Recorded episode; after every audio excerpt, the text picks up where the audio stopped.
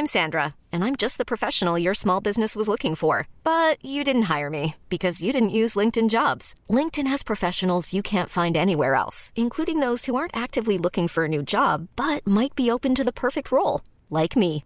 In a given month, over 70% of LinkedIn users don't visit other leading job sites. So if you're not looking on LinkedIn, you'll miss out on great candidates like Sandra. Start hiring professionals like a professional. Post your free job on linkedin.com/achieve today.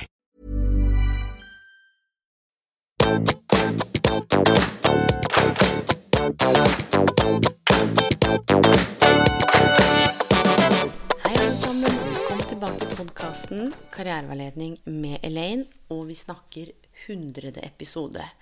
Og for å gjøre denne episoden her ekstra spesiell, så er det også en ekstra spesiell gjest på linja. Nemlig psykolog, forfatter og lederutvikler Karina Carl. Velkommen. Tusen takk, Elaine. Tusen takk for en usedvanlig, usedvanlig hyggelig introduksjon. Den kunne også vært mye lenger, men vi skal, vi skal ikke fatte oss i korthet i dag. Men vi har blitt enige om at vi har eh, satt av en halvtime sammen. Og den tenker jeg vi skal forvalte ordentlig. Og så må vi også passe på på slutten at eh, vi bare snakker kort om bøkene dine, og hvor det faktisk er mulig å eh, bli kjent med deg, eller kanskje få vite mer om deg også, om det er i orden. Ja. Karina, jeg eh, sendte deg en forespørsel, og du har jo vært gjest tidligere. Det var under pandemien. Nå er vi jo, om ikke på vei ut, så er det i hvert fall eh, litt, litt annen stemning i gatene. Em, Temaet er verdier. Og jeg tror vi bare hopper rett ut i det, for når jeg sier verdier, hva, hva dukker opp hos deg da? Jeg blir litt opptatt av å gjøre det eh, enkelt og lett forståelig, i den forstand at eh, jeg vil si at det handler om det som er det viktigste for deg. Det du er villig til å strekke deg langt for. Det du ikke ønsker å gå på akkord med. Og eh, verdier kan være ganske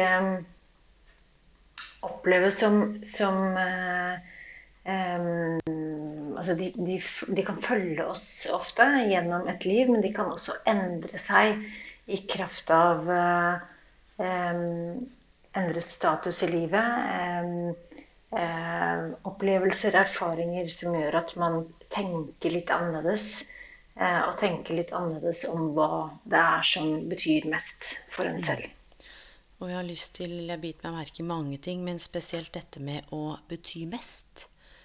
Eh, kanskje i en verden akkurat nå eh, hvor det er mye Jeg vil ikke si overvekt av positive inntrykk, hvis du ser på nyhetene bl.a. Eh, og litt hva som foregår i kjølvannet også av sosiale medier og antall inntrykk der, og hva hjernen egentlig er i stand til å håndtere. Og det bringer meg over til det, det å sortere hva som er viktig må vel kanskje være en, en, en nøkkel her for å begynne å jobbe med det, eller kanskje forstå litt mer av seg selv, da, og hvordan en er i relasjon til omverdenen og, til seg selv. Em, og vi er ikke nødvendigvis alltid bevisste om verdiene våre. Um, de færreste av oss um, reflekterer i særlig stor grad over det, med mindre vi blir tvunget til det, eller er fra naturens side nysgjerrig på det. Men verdier gir retning, de viser vei, og de kan gi oss ganske mye informasjon. Eksempelvis så er min opplevelse at mange jeg jobber med og, og snakker med, eh, som kommer til meg fordi at de møter noen utfordringer, det viser seg at, det ofte kan ha sammenheng med at de lever på akkord med egne verdier, eh, uten helt å være bevisst om det, og det, da blir det en energilekkasje. Så utfordringene de da møter i, i tanke- og følelsesliv, i eh, manglende energi, overskudd, det er sånn det ofte kan komme til uttrykk. Og også stemningsleie. Det, det bunner i at man går på akkord med hva man selv tror på, det som betyr mm. mest. Og, det kan jeg relatere til mitt arbeid eh, med karriereveiledning. Hvor det også er noe med kanskje litt det gapet mellom hvem man ønsker å være, og hva man tror at man orker å prestere, eller hvem andre kanskje ønsker at du skal være, og hvem jeg er når jeg kommer hjem og lukker døra, hva jeg faktisk føler. Og da er jo også spørsmålet eh, For når du sier at de kommer til deg, og så kan det faktisk handle om verdier når man begynner å, å undersøke dette her. Går det an å ha private verdier og yrkesverdier? Kan de være atskilt, eller vil de på en måte skli inn i hverandre? Jeg tenker at ofte så er det eh, noen verdier som peker seg ut som det viktigste, og at de både eh, viser seg sentrale i arbeidssammenheng, men også privat. Og så kan det hende at, at, noen av de er viktigere i et område i livet fremfor et annet, men som oftest så tenker jeg at de henger ganske mm. godt sammen. Det er i hvert fall mm. min erfaring. Det, det, var derfor jeg spurte, for jeg kan jo også underbygge det, sånn som jeg har sagt mange ganger, at karriere kan jo ikke ses på som isolert fra resten av livet. Eh, vi er jo eh, på ulike mm. arenaer som påvirker hverandre gjensidig, og særlig med sånn helhetlig tilnærming, ja, som jeg vet at vi begge to har opptatt av, men i ulike måter å virke på. Og da blir jeg så nysgjerrig tilbake til mm det har kanskje vært energilekkasje over tid, eller man har kjent noe spenn eller interne konflikter over tid. Hva er det som gjør Og dette er en fellesnevner for mange, for det har faktisk kommet inn et gått igjen som et sånt spørsmål også. Hva er det som gjør at det tar så lang tid før en stopper opp eller tar tak? Det kan være flere ting som, som spiller inn, men, men det, det, krever jo um en vesentlig investering ofte. Og det kan være forbundet med en del ubehag. Eh, og vi ønsker jo helst bare å ha det godt. Så det å gjøre noen endringer, eh, stoppe opp og, og erkjenne virkeligheten, de faktiske forholdene, det krever en del mot. Og det kan i mange tilfeller være oppleves som lettere å fortsette eh, i den rytmen man har falt inn i, eller det som mange betegner som autopilot. For da slipper man å tenke så mye eller forholde seg til eh, noe man blir nødt til å gjøre hvis man skal skape endringer. Og endring vil jo sette sette i gang alarmberedskapen vår fordi at systemet vårt eh, reagerer på alt som er nytt og annerledes, også selv om det er bedre for oss.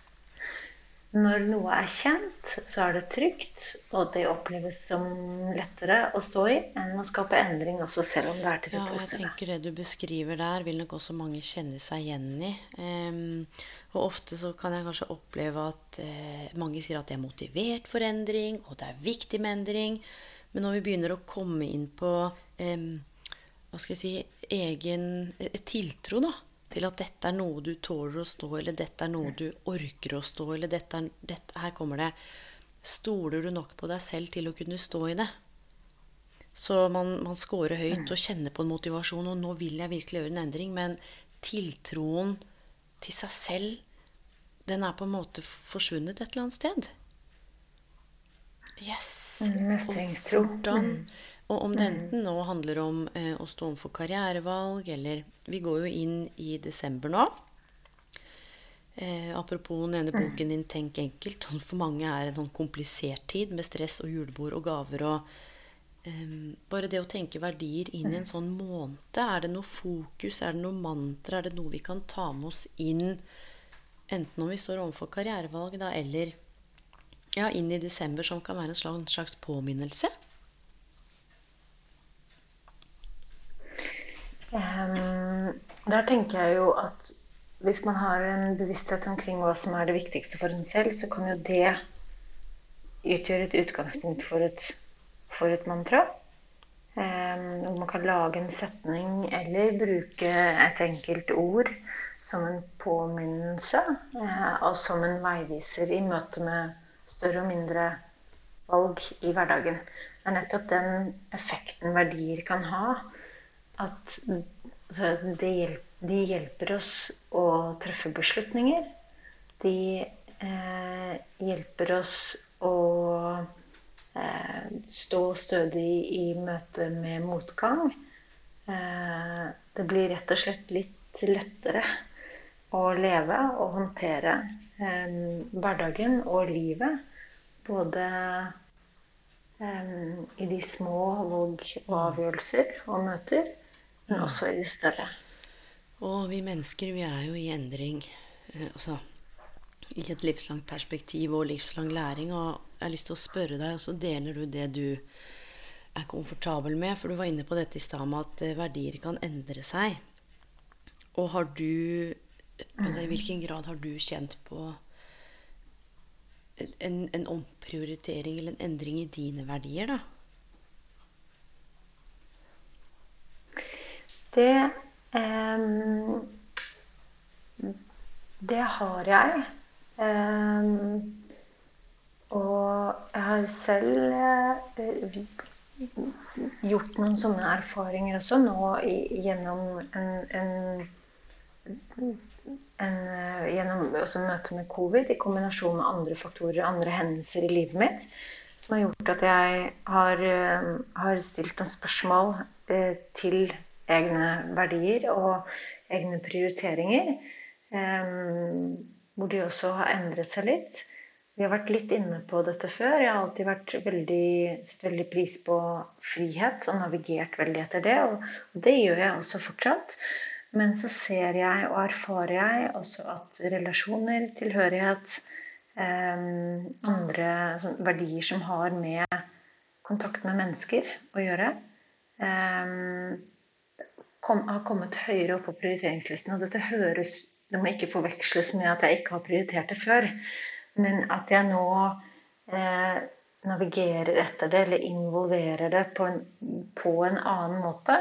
Og fortsatt er det litt sånn um, refleksjon rundt hva som egentlig betyr mest, og tillater meg å være litt fleksibel der. Nå har jeg verdiene mine litt oppe til vurdering, og ser hva jeg er tilbøyelig til å velge å prioritere um, i de situasjonene jeg møter. Og uh, ut fra det, over noe tid, lander og konkluderer med et litt uh, justert mm. verdisett på veien videre. Og akkurat det du sier der, tenker jeg det at de er ikke hogd i stein, og de er foranderlige, og at kanskje ved å, å, våge å se på verdiene sine, da, å stille noen spørsmål. Og det er litt nysgjerrig på er det noen spørsmål som du tenker kan være særlig nyttig for lytterne. For det ene er, som du var inne på, hva er viktig for meg nå? Eller er det en sånn tre-fire spørsmål som kan sette i gang eller stimulere til refleksjon, sånn at det går an å begynne det arbeidet på noe vis? En måte å gjøre det på som er litt konkret, det er jo å um, følge eller en, eh, gå litt inngående til hvordan du forvalter tiden din i løpet av en dag. Prioriteringene dine. Um, og ut fra det daglig se på hva er det som gir, hva er det som nærer, hva er det som står frem for deg som givende og nærende um, og mest betydningsfullt. Se på summen, se på helheten i løpet av en uke, eh, eller noen uker, enda bedre. Og da komme tettere på hva er det jeg ser at gir meg mest. Ut fra det så, så kan du konkludere med i hvilken retning verdiene dine peker. Det kan være en konkret måte å, å gå til det på. Så se på hva er det i løpet av dagene som gir og nærer mest. Og da hvordan kan du forstå hva som egentlig betyr mest for deg? Altså hva verdiene dine er. Um, og det der er jo faktisk noe eh, som kan settes i gang allerede i morgen. eh, med penn og papir eller mm. en måte å, å, å ikke selvmonitorere, eh, men, men, på en måte å få, få slags overblikk på, på, hva er det man bruker tiden på. Mm. Og jeg, dette sa jeg jo så vidt til deg, eh, fikk jo egentlig helt sjokk for en liten stund tilbake. Eller sjokk er kanskje å ta, dra i litt hardt. Eh, men det som jeg trodde har vært mine viktigste verdier i lang, lang tid, ikke sant, det var plutselig ikke sånn lenger. Eh, og jeg kjente på noe så Jeg skulle ta faktisk et, et valg.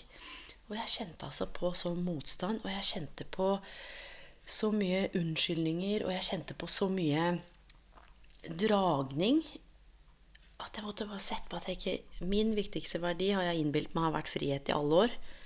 Um, og det var det jo helt til jeg blei mamma. Men levde fortsatt i den illusjonen at uh, frihet og, og, det er klart, rammene endrer seg lite grann. Og så har det vært covid, og så plutselig har jeg måttet gjøre en skikkelig Eller ikke måttet. Det falt seg helt naturlig at verdiene mine endra seg. Så helse ligger øverst.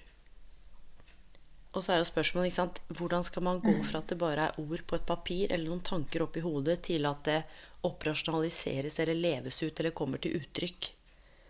Og nå skal jeg dele noe som både er personlig, men som jeg kan stå i òg.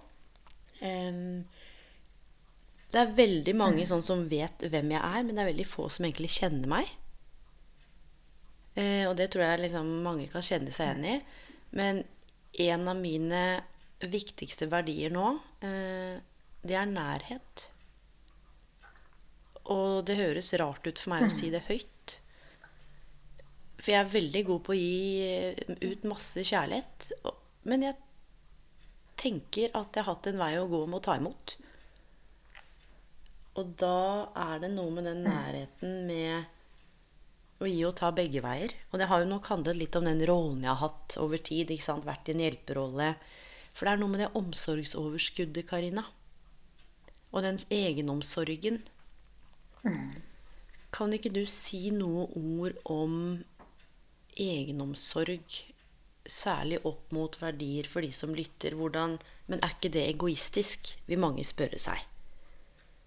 Å sette av tid til seg selv. Altså, det er så mye som skjer. Mm. Mm. Hvem blir du for andre hvis du setter av tid og investerer i deg selv? Mm. Og hvor egoistisk er du da? På mange måter så kan man snu på det. Og så kan vi da si at egeninvestering er den fineste gaven du kan gi til dine omgivelser. Fordi det, i det øyeblikket du tar vare på deg selv, så har du også mer å gi til dine omgivelser. Eh, og du gir også de en billett til å behandle seg selv på tilsvarende måte. Du kan kunne være en inspirasjonskilde, og det er også en kilde til fine og nære samtaler dere imellom. Og jeg tenker en forlengelse av mm. Og hva ville du sagt til en annen i, i tilsvarende situasjon? Eh, en av dine nærmeste? Ville du da tenkt at de var egoistiske med sine prioriteringer? Det er noen sånne spørsmål man kan stille seg. Så virk, veldig virksomt, er ofte å spørre seg selv hva ville jeg sagt til en annen i samme situasjon. Og jeg tenker at dette her er så viktig, og samtidig noe av det jeg opplever i mitt arbeid, er at eh, mange Jeg skal ikke generalisere, men en overvekt av de jeg har møtt, opplever eh, Kall det bevisst ubevisst, dette kan jo du bedre enn meg, men at ikke de er verdig nok. Sant? Eh, at man ikke er mm. verdt å investere i seg selv. Eh, vi snakker ofte om selvtillit, men opplevd egenverdi er nesten fraværende. Eller den, det, er blitt, det er så mye støv at bare det å tenke den tanken, og, og, og, kanskje trekke de linjene og sette de grensene Jeg gjorde en podkast om grenser. Um, på hvordan man kan sette grenser i forhold til tid, materialistiske eh, emosjoner, det kognitive, i møte med andre. Og den frykten for hva andre skal tenke det, det, det, ligger så latent, da. Mm. Mm. Vi er bygget for overlevelse, og fra naturens side så er vi avhengig av andre mennesker for å overleve. Det vil si um, Vi var det den gang vi var jegere og samlere, som dette, denne alarmberedskapen og mye av det som er nedfelt i oss, i vår natur, kommer fra. Og vi er det fortsatt, selv om vi lever i en helt annen tid, hvor uh, virkeligheten er vesentlig mer individ- og prestasjonsorientert. Og vi er vesentlig mer selvstendige. Noe av det vi mister da, er jo fellesskapet og tilhørigheten. Uh, og det trigger oss negativt. Um, opplevelsen det, det, kan bli sårbart fordi at veien kan bli kort til å oppleve at man ikke hører til. Eh, og nettopp mangler nærhet, som du henviser til. Og vi trenger å oppleve at vi har andre nære. Og det bringer meg over til Men har vi ikke sosiale medier, Karina? Hvor alle er og chatter og scroller og legger ut og liker. Og nå sier jeg ikke dette for å være kritisk eller ufin. Det har oppstått masse fine mennesker, vennskap på kryss og tvers. Og eh, jeg er liksom ikke ute etter å ta internettet, men jeg lurer på eh, litt de ulike verdenene med det fysiske, det nære og, og, internettet. Som skal forene, men som kanskje ikke alltid gjør det. Mm. Mm. Eh, tilgjengelighet og teknologi er en velsignelse hvis vi bruker det på en konstruktiv måte. Og, og det krever en enorm bevissthet eh, som nesten er for mye å forlange. Um, og det er vanskelig å huske på og klare å skille mellom virkeligheten på Internett og det virkelige liv. Og vi må skille mellom å oppleve tilhørighet og ha mange følgere eller likes på Instagram. Um, og vi må skille mellom selvfølelse eh, og som en, forstått som um, det å være trygg i seg selv da, og, og, ha mange mennesker rundt seg. Eh, man kan oppleve dyp ensomhet og lav selvfølelse, lav mestringstro, som du var inne på tidligere i samtalen. Selv om man har mange følgere eh, og tilsynelatende får det til. Presterer utad. Det må ikke forveksles. Så vi trenger alle de nære relasjonene, de nære menneskemøtene. Og helt grunnleggende så trenger vi å bli akseptert, akseptert sett, hørt, elsket for den vi er. Ja, og det bringer... Fremfor det vi gjør. Yes, og det bringer meg også litt til den um, selvfølelse. Altså, du har jo skrevet flere bøker. Um, men den siste boken din, um, så er det særlig mm. dette med psykologisk trygghet. Um, det å på en måte kan, kan, ikke du si mm. litt om det? Um, kanskje inn mot dette, også inn på arbeidsplassen. For det er som du sier Økt konkurranse en del steder, fokus på prestasjon, man blir målt, det er kopier. Eh, hvis du kanskje er syk en dag, så ødelegger du for resten av teamet ditt. Hva vil du si er, er, psykologisk trygghet. Og bare kort inn på hvorfor det er så viktig. For nå snakker vi innenfor arbeidslivet til de som lytter, som eh, kanskje sitter på en arbeidsplass og kjenner at de har litt vondt i magen. Mm. Psykologisk trygghet handler om å kunne si at uh, jeg vet ikke. Jeg har gjort en feil. Jeg er ikke enig. Jeg har en idé. Jeg har en bekymring uten å frykte sosiale sanksjoner. Uten frykt for utenforskap eller konsekvenser. Så det handler om å ha en tillit til at jeg har kollegaene mine i ryggen. Jeg kan eh, tillate meg å bruke jobben som en læringsarena. Jeg kan omfavne feil som kilder til læring, snakke høyt om de og dele. Jeg kan komme med forslag. Jeg kan tenke høyt. Og jeg kan være uenig. Det måles på gruppenivå. Og det er ferskvare, tenker jeg. Så det handler om Det er en dynamisk greie som tilhører kulturen. Og det krever investering, det krever fokus.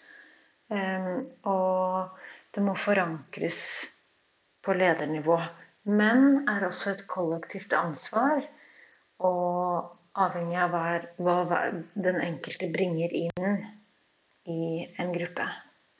Jeg tenker det, det du beskriver nå, eller de punktene du lista opp når du liksom sitter og når, Jeg lytter med en sånn veldig tilstedeværelse når du snakker, fordi du innbyr til det. Eh, du er så trygg. Du, vet du, du skaper litt psykologisk trygghet. Det høres sikkert litt rart ut å si, men, men det er noe med den Du har en sånn stoisk ro, en sånn tilstedeværelse. Når du lister opp disse punktene, så Tenk deg hvis, hvis ledere, medarbeidere Det hadde vært en sånn kollektiv bevissthet omkring dette her. Mer enn Nå sier jeg ikke at det er spisse albuer overalt, og alle skal opp og fram. Og, for det er mange ulike måter å se på en karriere på. Det er jo ikke bare en karrierestige. Det kan være klatrestativ. Man må ta ulike skritt frem og tilbake. Og, eh, men det å kanskje ikke måtte eh, lyve om hvem man er, eller enda verre eller enda viktigere lyve om hvem man ikke er. Å kunne komme mm. på jobb, for det er jo veldig slitsomt å ikke får levd ut den du er innenfor sosiale normer og koder i et fellesskap på jobb hvor vi kanskje bruker ganske mye tid. Um, er det noe jeg som medarbeider kan bringe inn, da? For det er jo ikke sånn at man nødvendigvis kan sitte og tenke seg at dette er et leders ansvar. Jeg gjør ingenting. Uh, så de som hører denne podkasten her og tenker at å, her er det noe som gir gjenklang. Hvem skal jeg snakke med? Jeg tenker vær den du ønsker å møte i andre bringe det inn som du ønsker at relasjonen skal være for deg. Og hva er psykologisk trygghet for deg?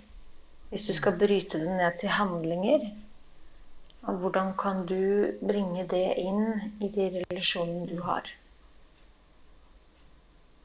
Til det kollegiale fellesskapet.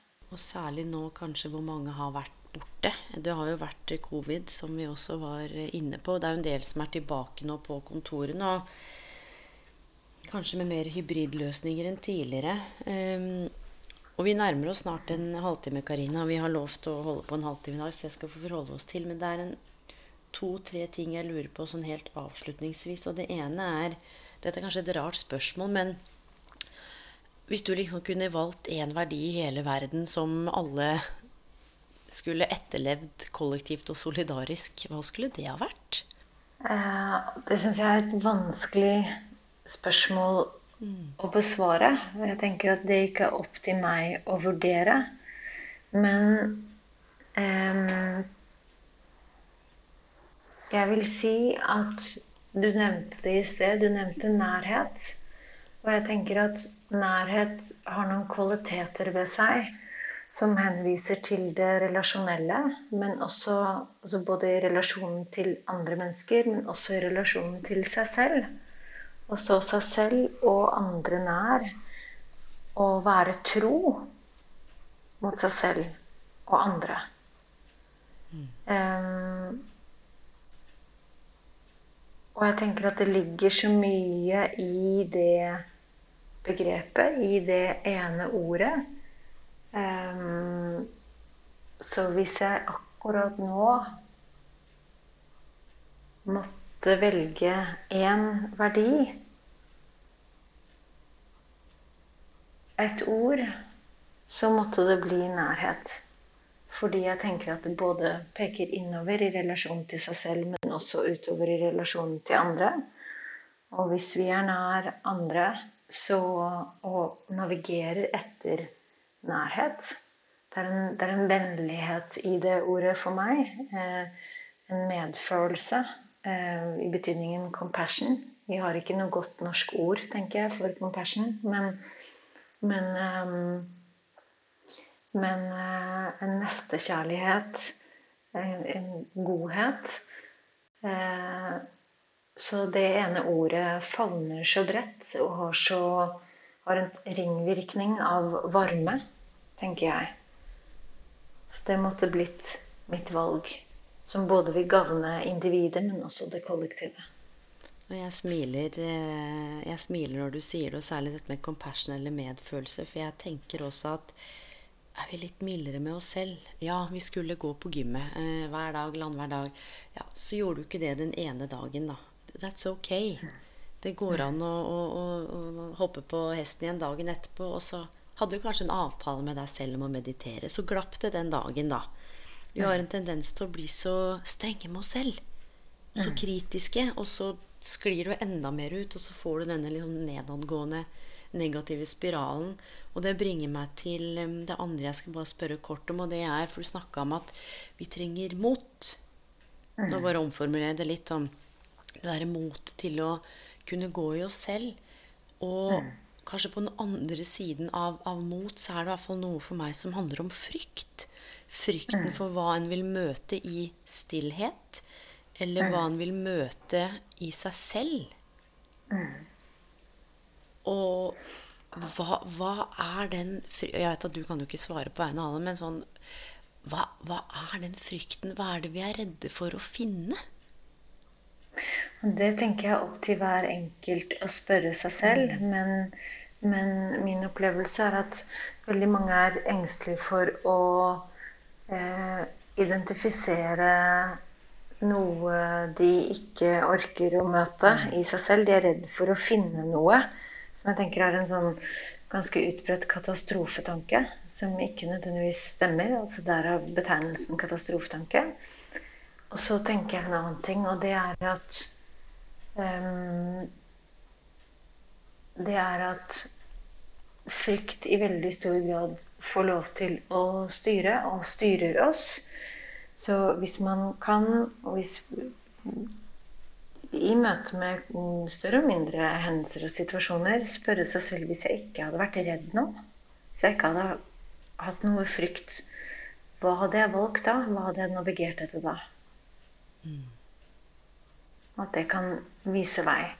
Så noen ganger å våge å legge frykten til side i tankene og se hva åpner seg da. Mm. Det, det, er et sånt spørsmål som kan riste litt godt i kanskje både inngrodde mønster og litt grunnvoller Um, som henger så veldig sammen med dette med å prioritere og sette grenser, og mye av det vi har vært uh, innom. Og avslutningsvis, det er to små ting. Og det første er hva er det viktigste du lærer om dagen? Um, jeg syns jeg lærer noe hver dag. Um, men jeg lærer veldig mye om jeg lærer mye om meg selv eh, i møte med andre, eh, men også om andre i møte med meg selv. Eh, selv om jeg navigerer etter at på meg selv kjenner jeg ingen andre. Eh, og erfarer at eh, ved å være nysgjerrig, så får jeg stadig nye innsikter. Både i min egen verden og i i møte med andres verden. Og det siste, helt avslutningsvis, det er jo Er det noen ting som du kjenner du ønsker å dele av det vi har vært innom, eller utdype, eller et ord eller en tanke du har lyst til eh, å dele med lytterne, som de kan ha med seg videre på sin livsreise? Um, unne seg refleksjonstid. Unne deg innimellom å ta en innsjekk, sette av tid med deg selv. Sette av tid i kalenderen til refleksjon, til innsjekk. hvordan har jeg det? I hvilken grad opplever jeg at jeg lever i tråd med verdiene mine? Og ivaretar meg selv og det som er mine viktigste prioriteringer i mitt dagligliv. Ved å sette av tid innimellom. Det kan være en gang i måneden eller eh, hver tredje måned eller en gang i semesteret. Så behøver man ikke å gjøre den daglige refleksjonen hvis man ikke har, den, ikke har tiden eller ønsker å prioritere det. Men man kan ha en innsjekk innimellom for eventuelt å, å gjøre justeringer eller sette en litt ny kurs. Eh, for så å teste det, og så ha en innsjekk igjen. Det kan være liksom gode systemer å hvile i som sikrer at man eh, har seg selv med på en eller annen måte og har noen sånne verdifulle innsjekk. Jeg har nesten lyst til å avslutte med å lese et dikt som jeg håper kan gi eh, mening relatert til vår samtale om verdier. Det er et dikt av André Bjerke som heter 'Du skal være tro'. Du skal være tro, men ikke mot noe menneske som i gold grådighet henger ved dine hender. Ikke mot noe ideal som svulmer i store bokstaver uten å røre ved ditt hjerte. Ikke mot noe bud som gjør deg til en utlending i ditt eget legeme. Ikke mot noen drøm du ikke selv har drømt. Når var du tro? Var du tro når du knelte i skyggen av andres avgudsbilder? Var du tro når du ikke bedro den du ikke elsket? Var du tro når din feighet forkledde seg og kalte seg samvittighet? Nei. Men når, når det som rørte ved deg, ga tone, når din egen puls ga rytme til handling når du var i ett med det som sitret i deg. Da var du tro.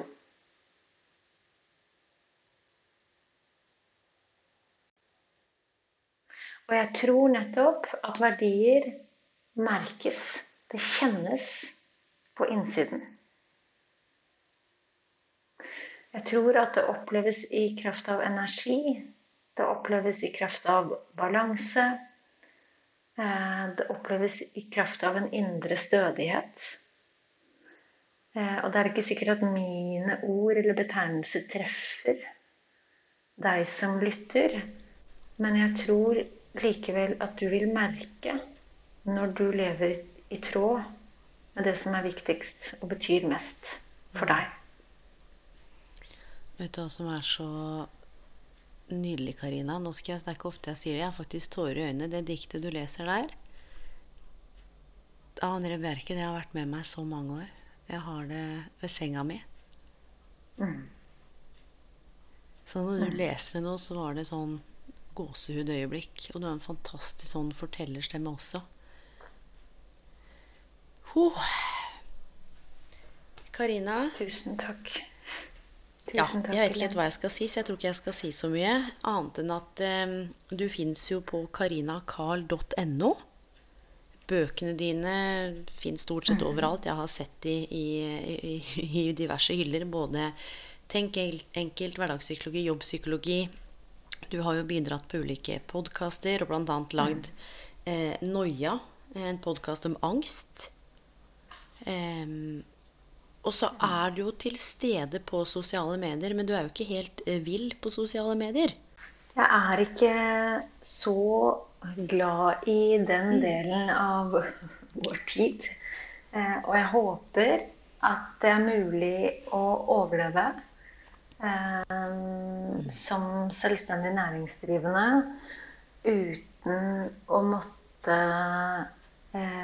dele masse informasjon um, utover det man selv ønsker. Og jeg er nok veldig opptatt av det at vi har så mye store mengder informasjon som vi skal ta inn. Og jeg ønsker å være selektiv med tanke på hva jeg deler, at det på en eller annen måte skal ha en verdi. Mm. Eh, eller om det er øyeblikk.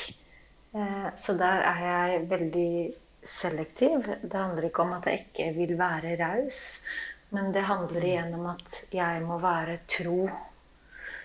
Og jeg stiller meg selv det spørsmålet ganske ofte, om det er mulig. Um, og gjør meg hele tiden refleksjoner om hva jeg ønsker å dele, på hvilken måte, på hvilken plattform. Så det kan altså hende at det endrer seg, men inntil videre så har jeg vært restriktiv fordi at det har opplevdes som riktig for meg.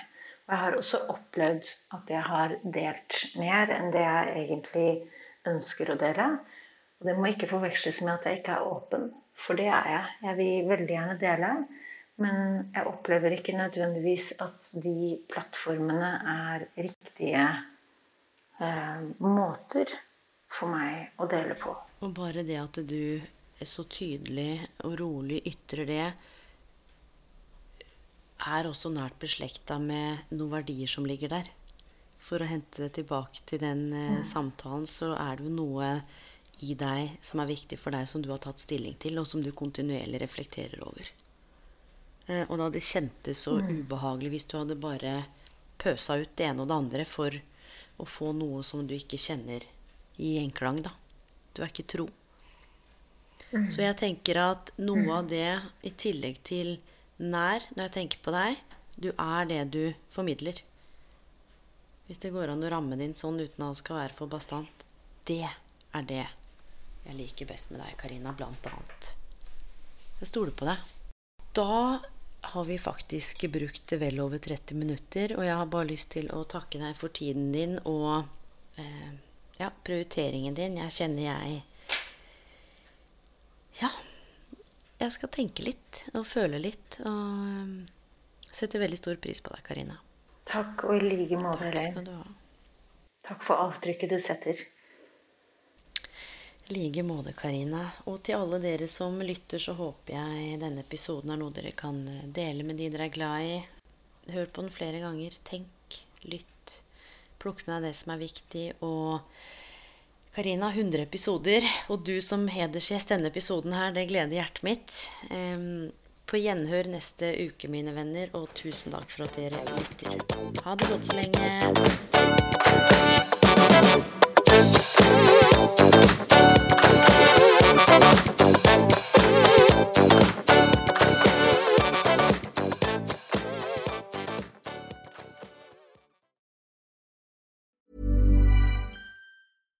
My business used to be weighed down by the complexities of in person payments. Then, Tap to Pay on iPhone and Stripe came along and changed everything. With Tap to Pay on iPhone and Stripe, I streamlined my payment process effortlessly. Now I can accept in person, contactless payments right from my iPhone. No extra hardware required. What's truly remarkable is how I can cater to all of my customers' payment preferences. Whether they're using cards, Apple Pay, or other digital wallets, Tap to Pay on iPhone and Stripe ensure a smooth checkout experience every time. And it's not just me. Stripe helps businesses of all sizes, from local markets to global retailers, scale quickly and stay agile. To learn how Tap to Pay on iPhone and Stripe can help grow your revenue and reach, visit stripe.com/tapiphone. Hold up. What was that? Boring. No flavor. That was as bad as those leftovers you ate all week. Kiki Palmer here, and it's time to say hello to something fresh and guilt-free. Hello Fresh. Jazz up dinner with pecan-crusted chicken or garlic butter shrimp scampi. Now that's music to my mouth. Hello Fresh. Let's get this dinner party started. Discover all the delicious possibilities at hellofresh.com.